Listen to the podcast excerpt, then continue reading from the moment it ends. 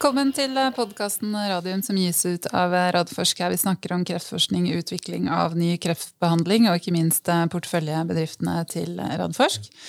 Dette er episode 220, hvor vi skal snakke om, om Matrix og andre spennende kreftinitiativ med professor og kliniker Åslaug Helland. Det er blitt 22. Eh, mars, klokken er 12.30, og velkommen Jonas Einarsson. Eller du sier det er kanskje du som skal si velkommen? ja, hjertelig velkommen til mitt kontor. ja, kontor slash eh, podkaststudio. Ja da. Det er bra. Det funker. Det funker. Og hjertelig velkommen til eh, Åslaug Helland. Takk for det. Ja, Velkommen tilbake i podkasten. Og før vi kommer i gang, så Du har jo vært med oss før, men bare så lytterne veit hvem du er så er du da professor ved Universitetet i Oslo. Og så er du overlege ved Radiumhospitalet. Og du er også lungekreftspesialist. Eh, og så er du forskningsleder ved Kreftklinikken ved. Oslo universitetssykehus. Mm. Og så leder du en rekke store studier og andre satsinger som vi skal snakke masse mer om. Mm. Mm. Det stemmer. Ja. Har du flere timer i døgnet enn hos vanlige dødelige? Nei, nei. nei da. Men eh, det er jo mange av aktivitetene er jo ganske sånn sammenfallende i mål og mening, så det er jo en, noen sånne synergieffekter man kan dra ut. Mm. Mm. Så har jeg veldig mange gode samarbeidspartnere. Det er bra. Det er godt å høre. Det trenger man. Ja. ja. Men du, før vi prater mer med deg, så tenkte vi skulle gå gjennom litt, eh, litt uh, nyheter. Eh, første vi kan begynne med, er jo at Kreftforeningen bevilger 25 millioner kroner til kliniske studier på mindre sykehus i Norge. Eh, og da støtten skal gå til da, personell, dvs. Si klinikere og studiesykepleiere og annet personell på bakgrunn av at mindre sykehus selv har bedt om det.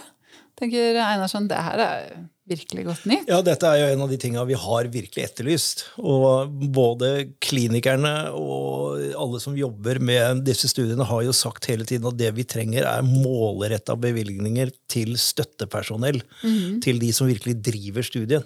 Og dette er direkte det. Så dette er sånn svar på det man har bedt om. Mm -hmm. Og det er klart at vi kjører bl.a. nå i Ultimax en, eller skal starte en studie innen lungekreft, hvor vi skal kjøre hele studien i Norge. Og det er åtte eller ti sykehus, ti, ja. ti sykehus i, i, Norge. Det er jo dit vi vil. Ja. Så dette syns jeg er, dette er gode nyheter. Mm -hmm. Kjempebra. Veldig bra. Ja. Og det er stor interesse på mange sykehus i Norge. De vil gjerne være med, og så er det vanskelig å få ressurser. Mm. Mm, så det er veldig bra. Ja. Det er veldig gøy. Og, og, apropos kliniske studier, det var et seminar eh, forrige uke i regi av Invento, hvor de presenterte arbeid de har holdt på med lenge gjennom noe som heter TTO helsenettverk, for å mer sånn strømlinjeform og nasjonal, altså gjøre det mer ensretta nasjonalt hvordan man kjører studier. Jeg tror du skulle vært der, men ja. du var dessverre ja. forhindra. Ja, jeg ble syk. ja. men, eh, men, det som jeg tok med hjem fra sånn take home message fra det seminaret, er jo at nettopp det at det skjer så mye bra med kliniske studier. Og nå begynner man å kanskje se liksom resultatene av det i form av at man får flere studier. Altså I fjor, eh, i 2021, så var det rekordmange, og hittil i år også er det mm. rekordmange. Er det litt sånn som du ser det fra din side også, Sleiv? Ja. Altså det er stor interesse. Norge er et godt land å kjøre studier i, og, og det har vært gjort mye godt arbeid fra mange aktører med å nettopp få Eh, de ulike firmaene til å se at Norge er et bra sted å kjøre kliniske studier. Så jeg tror det har båret frukter, og det er stor aktivitet. Så det er bare å henge med, så ja. kan vi øke det enda mer. Ja, mm. ja, og det er jo veldig bra etter så mange år hvor det på en måte ja. ikke gikk riktig veien i Nei. det hele tatt. Nei. Uh, og det jeg også husker fra den statistikken eh, eller som jeg vet at Siri Kolle, som leder det med kliniske studier Invento, mm. sett på, er at det er flere firmaer, og så er det flere utprøvere. Mm. Og så kommer studiene utafor kreft, og kreft er jo det området hvor det har vært flest studier. Mm. Så det er jo virkelig positivt. Ja. ja. Nei, det er veldig, veldig bra. Ja, Jeg er kjempeglad for at det ser ut som vi virkelig har, har snudd den trenden. Eh, det var litt tungt å jobbe med kliniske studier for en fire-fem eh, år siden. Og spesielt fordi vi da gikk inn i æraen til personalisert medisin. Jeg husker Vi hadde jo Bent Høie i, i mm. podkaststudioet her, og han sa bare helt ærlig dette er ikke vi forberedt på. Nei. Nei. og da måtte de forberede seg. Og hvis dette nå begynner å være litt resultater også av den, eh, kliniske, den handlingsplanen for kliniske studier, og også kanskje delvis eh, helsenæringsmeldingen, så er det jo liksom eh, endelig noen sånne utredninger som det kommer noe praktisk ut av, og faktisk gjør noe. Så jeg syns dette er veldig positivt. Og, og all ære også til de offentlige myndigheter som nå har begynt å spille på lag med klinikerne og utprøverne på en helt annen måte enn de gjorde tidligere. Mm. Og så, industrien, ikke minst. Ja, ikke minst industrien. Ja. ja.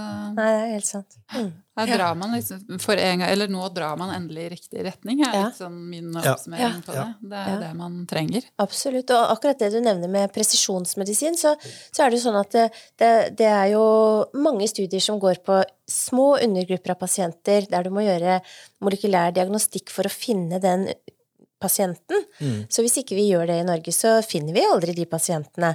Så i de løpet av de siste to-tre årene så har det jo vært en kjempeutvikling i det offentlige med diagnostikk.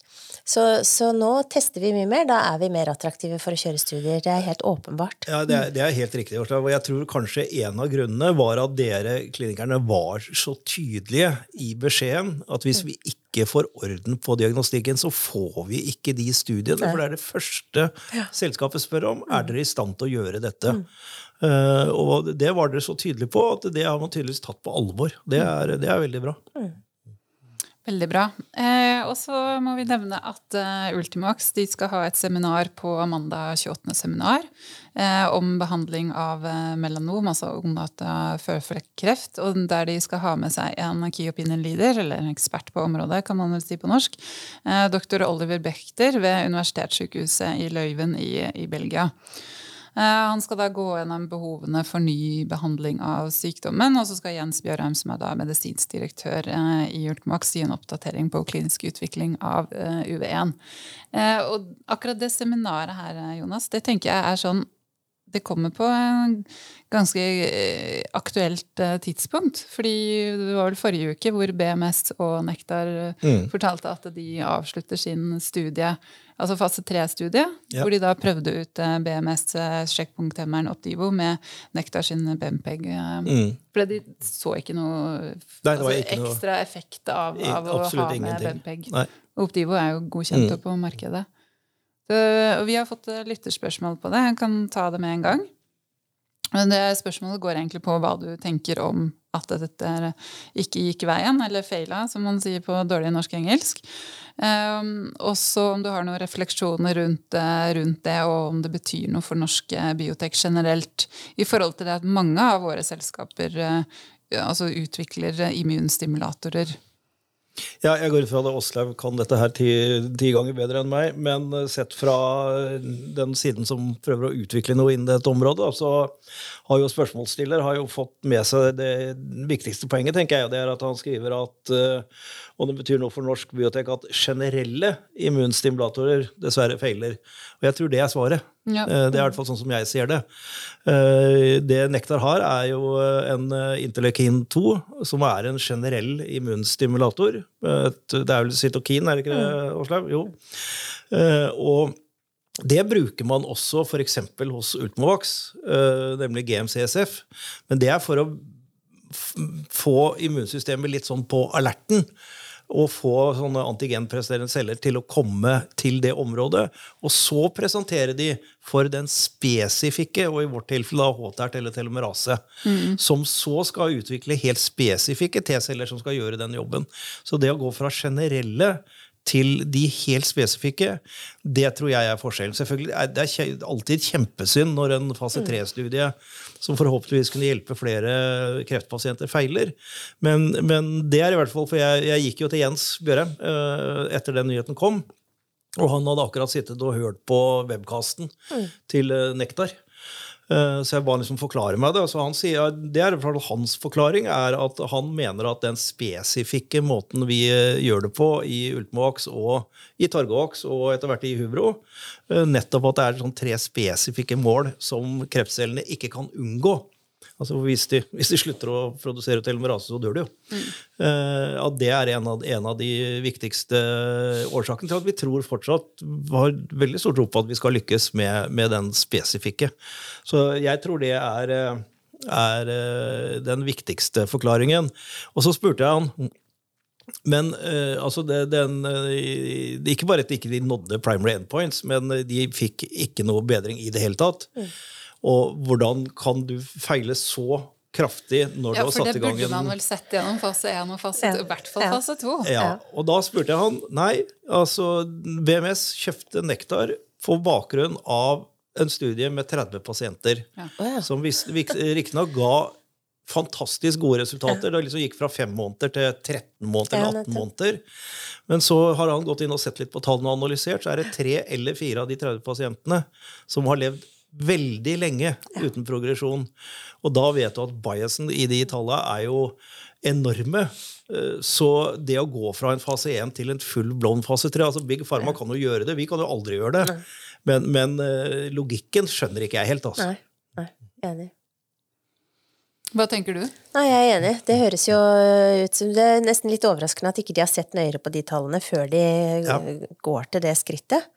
Betalt så uh, ja, for det er jo kostbart for firmaet, og samtidig så er det jo egentlig synd for pasientene, da, som har Ja. vært inkludert i noe som kanskje man på forhånd kunne sagt at uh, ikke hadde så gode odds. Nei, altså går jeg, Det var 780 pasienter i den sant? Ja. Mm. Eh, å gå til det uten at du har noen randomiserte data i det hele tatt. Det er jo nettopp det vi har gjort nå med Ultimovax. ikke sant? Med fire studier som er fase 1, hvor vi har sagt at ja, vi ser noen tegn til klinisk effekt, men vi har aldri tort å si noe mer enn det. Og så setter vi i gang i størrelsesorden 100-150 pasienter i randomiserte studier, som du sikkert kommer tilbake til en av de studiene med Åslaug. Absolutt. Men jeg tenker også den der smitteeffekten og noe altså da ikke går det, i en fase 3-studie, det at man på en måte man mister jo på en måte omdømme og tillit og sånt noe. At ikke man også reflekterer litt rundt det. For det, nå kommer jo dette da spørsmålet til, til Norsk Biotek da, som driver med det. Eh, Jeg vet ikke om det på en måte har vært noe dipp i Jeg så jo Nektar selvfølgelig sin aksjekurs stupte jo, eh, naturlig nok. Men, men jeg vet ikke om det har vært noen tilsvarende dipp. Men, men det gjør det jo vanskeligere for de som kommer etterpå også. Ja, men Det spurte jeg også Jens om. så tenkte jeg, spurte jeg eh, Hvordan vil BMS reagere på det? Vil de liksom tenke at nei, det med kombinasjoner med immunstimulerende og, og checkpoint-hemmere, det er kanskje ikke veien å gå? Eller vil de tenke Filleren, dette gikk ikke, ikke, men vi må ha en kombinasjonsbehandling fordi det er for dårlige resultater. Altså for få prosent, ikke dårlige resultater, men for få prosent som får i dag. Og Jens mente helt bestemt at dette bare kunne styrke appetitten til Big Pharma, som har checkpoint-inhibitorer, til å være på jakt etter den riktige immunstimulerende. Så time will show. Ja. Spennende tid man lever i. Rett og slett.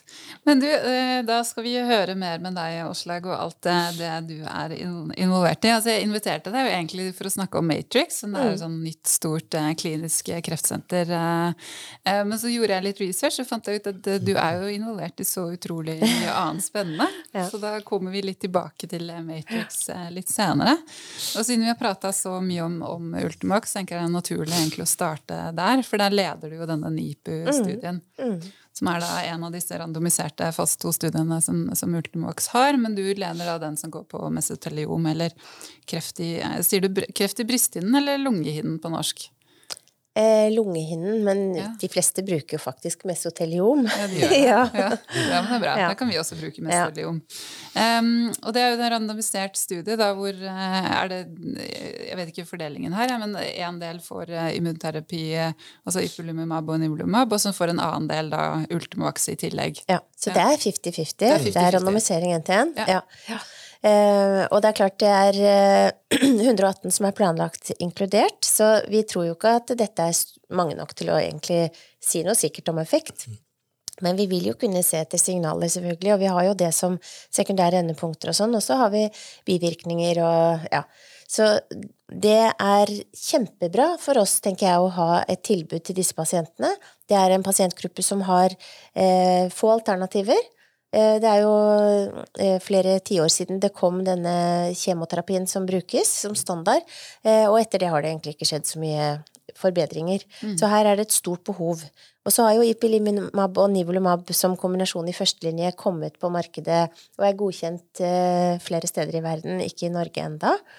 Men, men det, det har jo vist å ha effekt hos noen pasienter. Så vet vi enda ikke nok om eh, hvilke pasienter det er. Altså vi har ikke noen prediktive markører som på forhånd kan si hvem det er. Og det er jo slik at det fortsatt har en alvorlig prognose. Så vi trenger jo mer enn IP-nivå. Mm. Og det er jo da UV1-vaksinen kommer inn, da, for å se om det kan kanskje hjelpe til. Mm. Mm. Det er eh, eh, Altså, det er jo noen bivirkninger med IP-nivå alene. Eh, vi har ikke sett så veldig mye ekstra med vaksinen. Det er jo noen som, ikke, som har allergi, men det er jo heller ikke så mange. Så nei, det er en veldig fin studie å ha gående. Mm. Mm. Og, du, og er den går jo da her i Norge. Og så går den jo andre steder også. Hvilke Ja, andre land? Så vi har fått med oss Australia Mm. og Spania eh, og Sverige og Danmark. Så det er eh, Ja, ikke sant? Alle syns det er fint å ha noe å tilby disse pasientene, og eh, det har vært eh, stor entusiasme. Mm. Og den inkluderer egentlig ganske godt. Ja. Eh, ja, så vi er jo godt over halvveis i inklusjonen. Mm. Mm. Så bra. Det blir spennende å høre mer om det. Jeg tror planlagt avlesning er første halvår 2023, så ca. cirka om et år. Ja. Mm. Så det blir spennende. Ja. Um, og så leder du da også Impress-studien. Det er jo en, en studie som har fått utrolig mye positiv oppmerksomhet. Velfortjent eh, sådan. Eh, nasjonal klinisk presisjonsmedisinstudie. Det er altså veldig syke pasienter med spredning, som da man på en måte ikke har noe mer å tilby, Mm. får tilbud om en sånn avansert eh, molekylær eh, test. Mm. Og så ser man da om det fins medisiner eh, off-label, altså ikke godkjent for deres spesifikke kreft, da, Ja. som man kan bruke.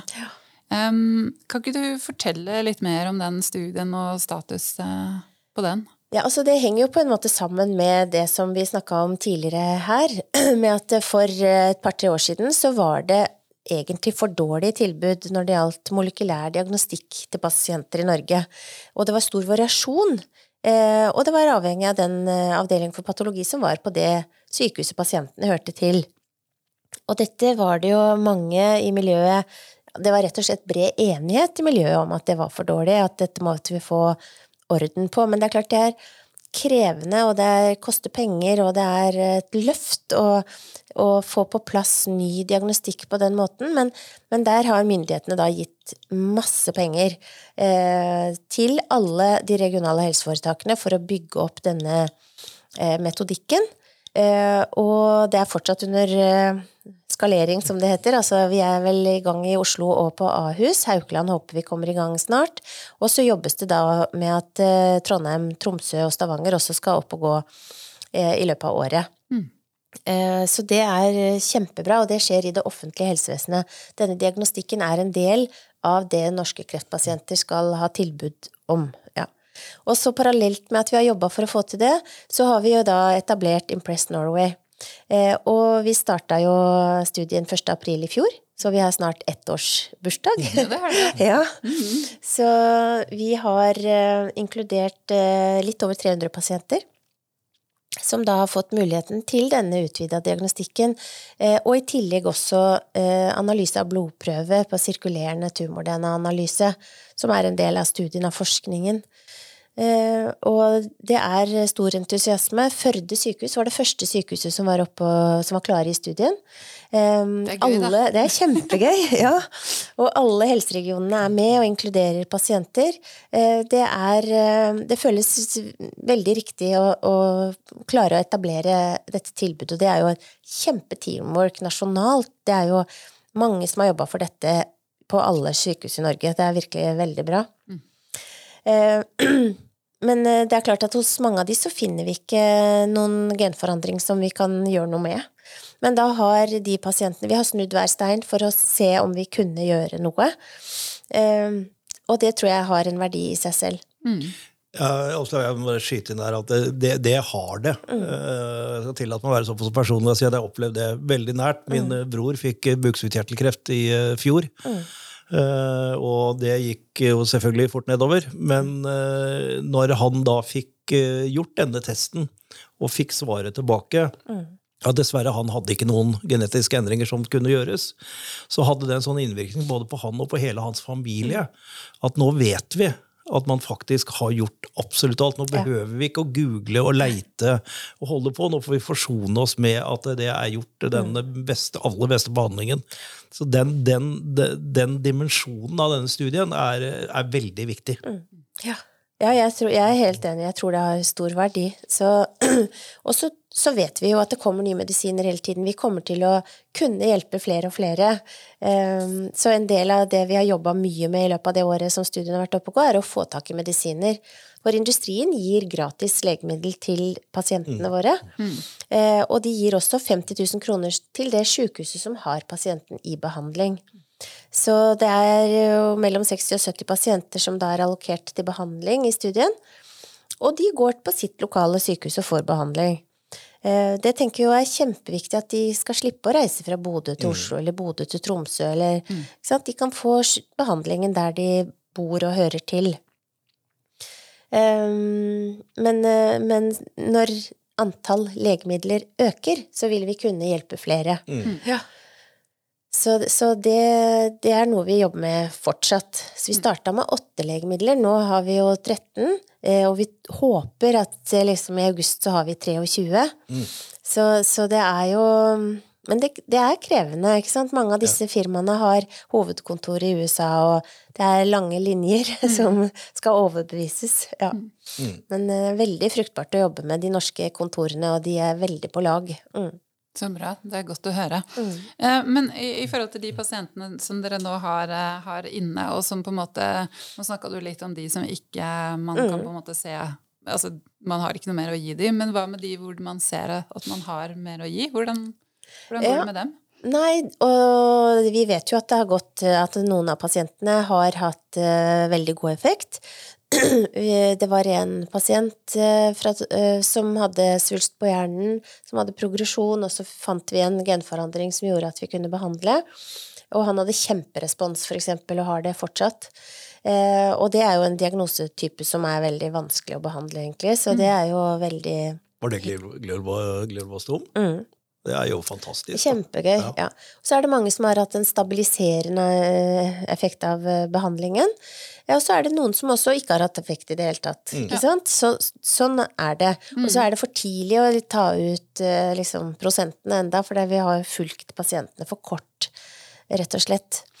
Men eh, men i, i det, jeg tenker det er viktig også å si at Impress Norway skal ikke være en konkurrent til andre pågående studier. Så hvis vi finner en biomarkør som gjør at pasienten kan gå inn i en annen studie, så vil den prioriteres så sant vi tenker at pasienten har nytte av det. Mm. Og det er jo fordi målet er jo å ha flest mulig studier til pasientene våre.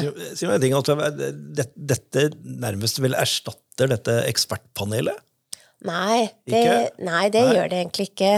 Uh, så vi har jo hatt møte med ekspertpanelet og ja. samarbeider med dem på en måte, men, men uh, det erstatter ikke ekspertpanelet. Så det, det, utfyller, da? Ja, utfyller, ja. kan du si. Ja, mm. Så det hender at ekspertpanelet foreslår Impress Norway, for eksempel. Akkurat. Ja. Men uh, ja. Mm. Mm. Ja, men så bra. Eh, og så skjønte jeg, for du var jo i VG eh, her forrige uke, og i går tror jeg vel den saken ble lagt ut på nettavisen til VG også, at det, det er kommet en gledelig nyhet i forhold til det med å eh, Altså det, at myndighetene går inn og betaler, når man da ser at disse pasientene har hatt en effekt eh, ganske lenge. Kan ikke du si litt mer om det? Jo, Altså, eh, det er det som heter ekspansjonskohorter i denne mm. studien, ja. Og det er klart, Impress Norway er en studie som er lagd etter samme lest som en studie som går i Nederland, og det er også tilsvarende studie i Sverige og Danmark og Finland også. Og eh, vi har lagd de så like at vi kan eh, samarbeide om resultatene. Så denne ekspansjonskohorten som nå er godkjent i Norge, den baserer seg på resultater fra, eh, fra den nederlandske studien, der de har inkludert 24 pasienter med en biomarkør som betyr at de har, de har eh, inaktivering av to, eh, begge kopiene av et gen som heter BRCA1 eller 2. Og så har de sett at eh, parphemmeren olaparib har god effekt hos de pasientene. Og når da mer enn fem eller flere av de 24 pasientene de har inkludert, har hatt god effekt, så, så har de en ekspansjonskort som de nå eh, planlegger eller har bestemt at det skal kjøres. Og da har de invitert eh, de nordiske landene til å være med. Og det er jo fordi dette er sjeldne begivenheter, ikke sant. Mm. Vi, vi, tror i Norge så er det én av hundre som kan ha det. Eh, sånn at av de 300 vi har analysert foreløpig, er det kanskje tre som vi har funnet som kunne gått inn. Eh, men i det som er nytt, og som er den nye avgjørelsen nå, er at myndighetene i Norge, på lik linje med den i Nederland, har sagt at eh, hvis firmaet betaler de første 16 ukene av behandlingen, så overtar det offentlige betalingen av behandlingen etter 16 uker for de som har nytte av det. Mm. Og det er jo en helt ny måte å gjøre det på. Det er kjempebra, eh, for eh, det åpner liksom for den muligheten til å være med på disse kortene. Det vil gjøre at flere pasienter kan få behandling i Norge. Mm. For da, for da, er det en pasientgruppe som da ikke nødvendigvis De ville ikke ellers fått denne muligheten nei, med nei. å få olaparib. Nei. For det er jo ikke godkjent for den indikasjonen ennå. Nei. nei. Mm. Så det er jo kjempe, kjempeviktig eh, og veldig, veldig hyggelig avgjørelse for pasientene våre. Mm. Ja, så bra. Mm. Men, det, men, hvor betydningsfullt er dette altså Det blir jo da nordisk pluss nederlandske samarbeidet. altså mm. hvor viktig, det, det, høres jo ut som det er veldig viktig da, når det er snakk om ja. på en måte så få ja. pasienter, ja. men man på en måte åpner jo opp et helt behandlingsrom. Ja. Nei, jeg tenker det er kjempe... Altså, vi hadde jo ikke kommet så langt hvis ikke vi hadde hatt det gode samarbeidet. Så det er skrevet en intensjonsavtale, en uh, letter of understanding, som det heter mm. på godt norsk, ja, der vi, vi, beskriver at vi vil samarbeide. Og så lages det nå en mer sånn juridisk avtale om datadeling. For det er klart, det er jo ting man må passe på når det gjelder å dele data som personvern og sånn.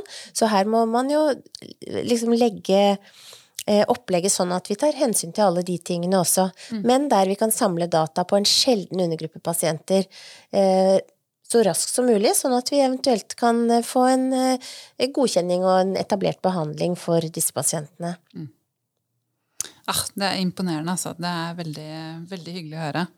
Um, over til nok, en, nok, en, nok, et initiativ innenfor eh, kliniske studier, og det er da Norse Trials. Uh, og det her er jo et av initiativene som kom via forrige regjering og statsbudsjettet i Mm, prøve å huske 2020, mm. kan det stemme? Ja, det tror jeg. Ja. Og så da også før handlingsplanen for, eh, for mm. kliniske studier.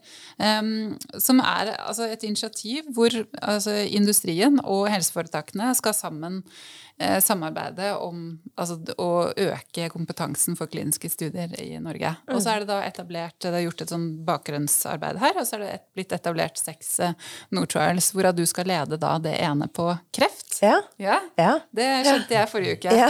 ja. jeg hadde ikke fått med meg verken hvilke av sentrene det var, og hvem som skulle lede for det.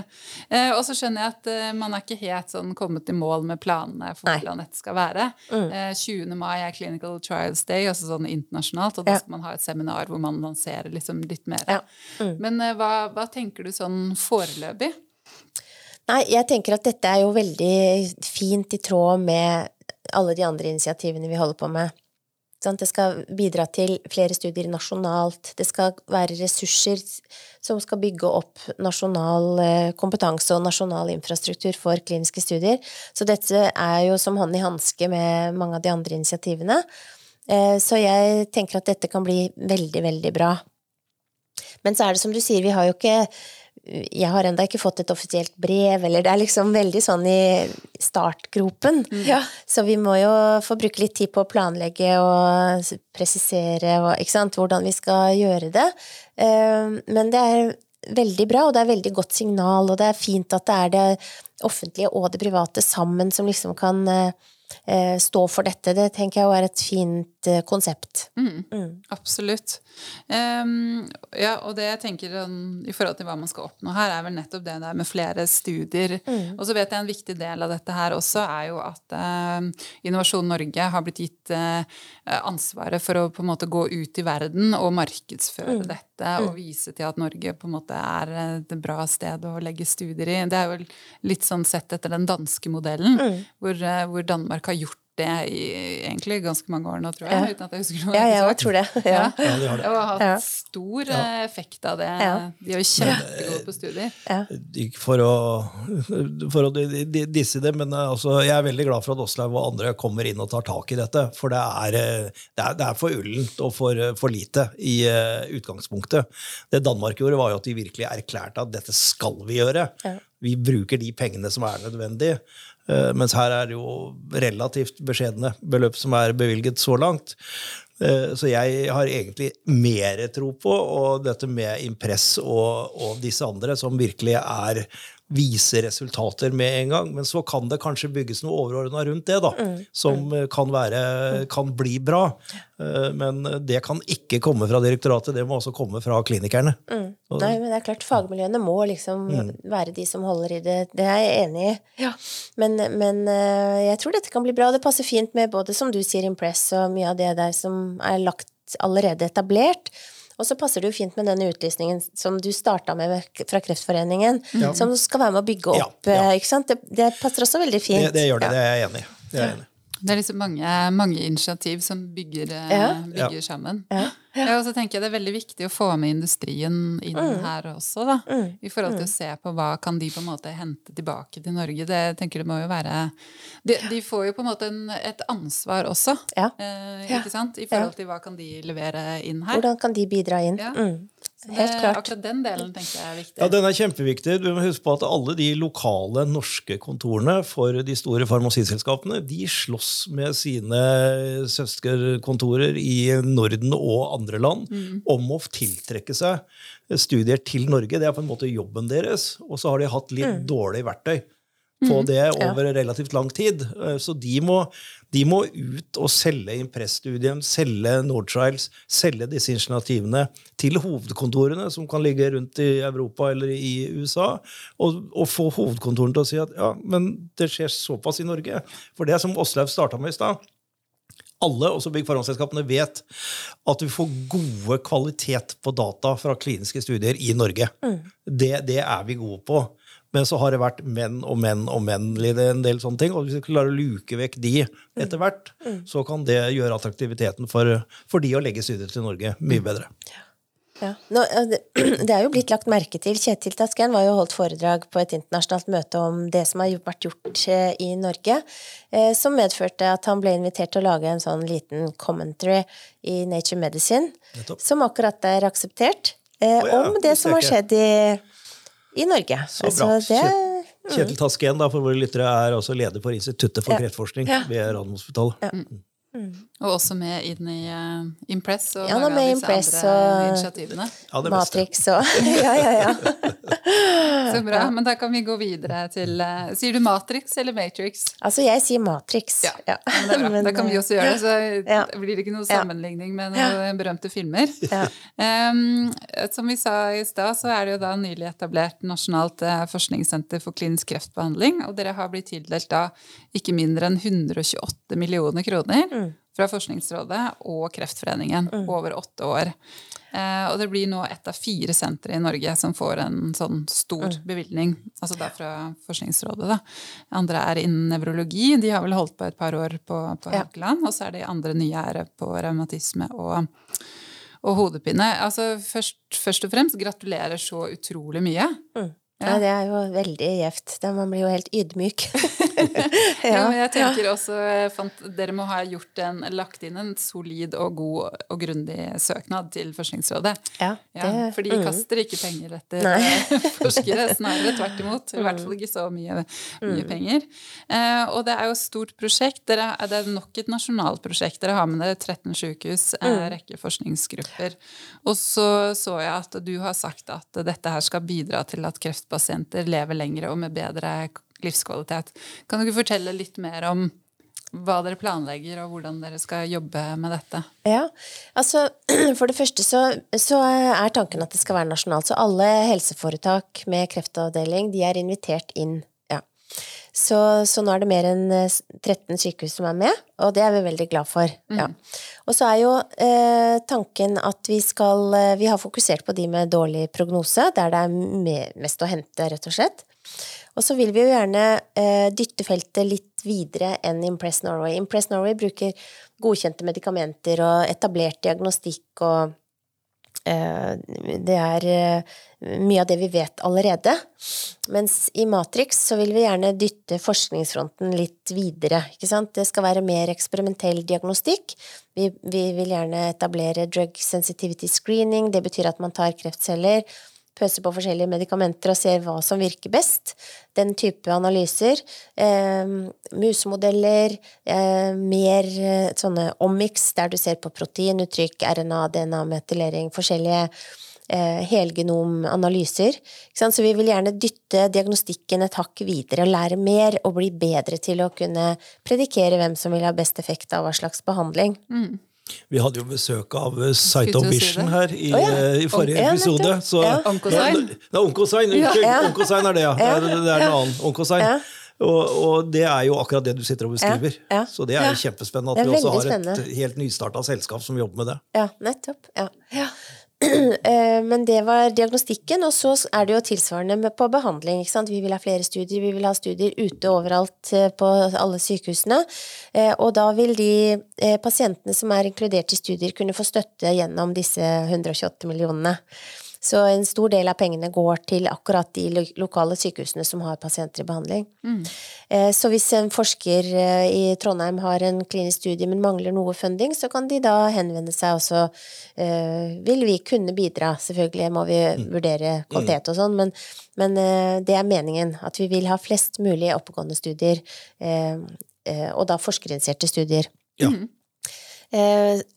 Sånn at, og så prøver vi å lage noe vi har kalt en trial engine, på godt norsk, eh, som skal hjelpe til å bidra små syke, altså hjelpe små sykehus eller mindre erfarne sykehus eh, til å starte egne studier eller holde studier i gang eller analysere data, den type ting. Eh, så det skal være en slags støtte, og vi skal lage masterkurs for å lære folk om klinisk forskning. Samarbeid med, med Oslo OsloMet og samarbeid med Universitetet i Oslo.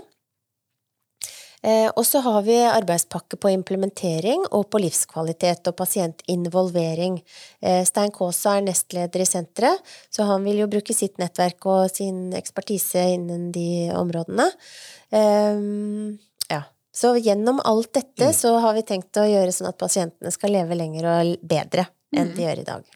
Høres jo rett og slett ut som et vanvittig stort kompetanseløft for hele liksom, kreftfeltet nasjonalt? Ja, det er målet. At, mm. vi mhm. skal, at, vi skal, være med og løfte alle. Mm. Mm. Og vi lærer masse av hverandre. ikke sant? Det ser vi mm. gjennom Impress Norway når vi har disse nasjonale eh, molekylære MDT-møtene som nå er uh, ukentlig. Mm. Vi lærer masse av hverandre, alle sammen. Så det er veldig viktig. Mm.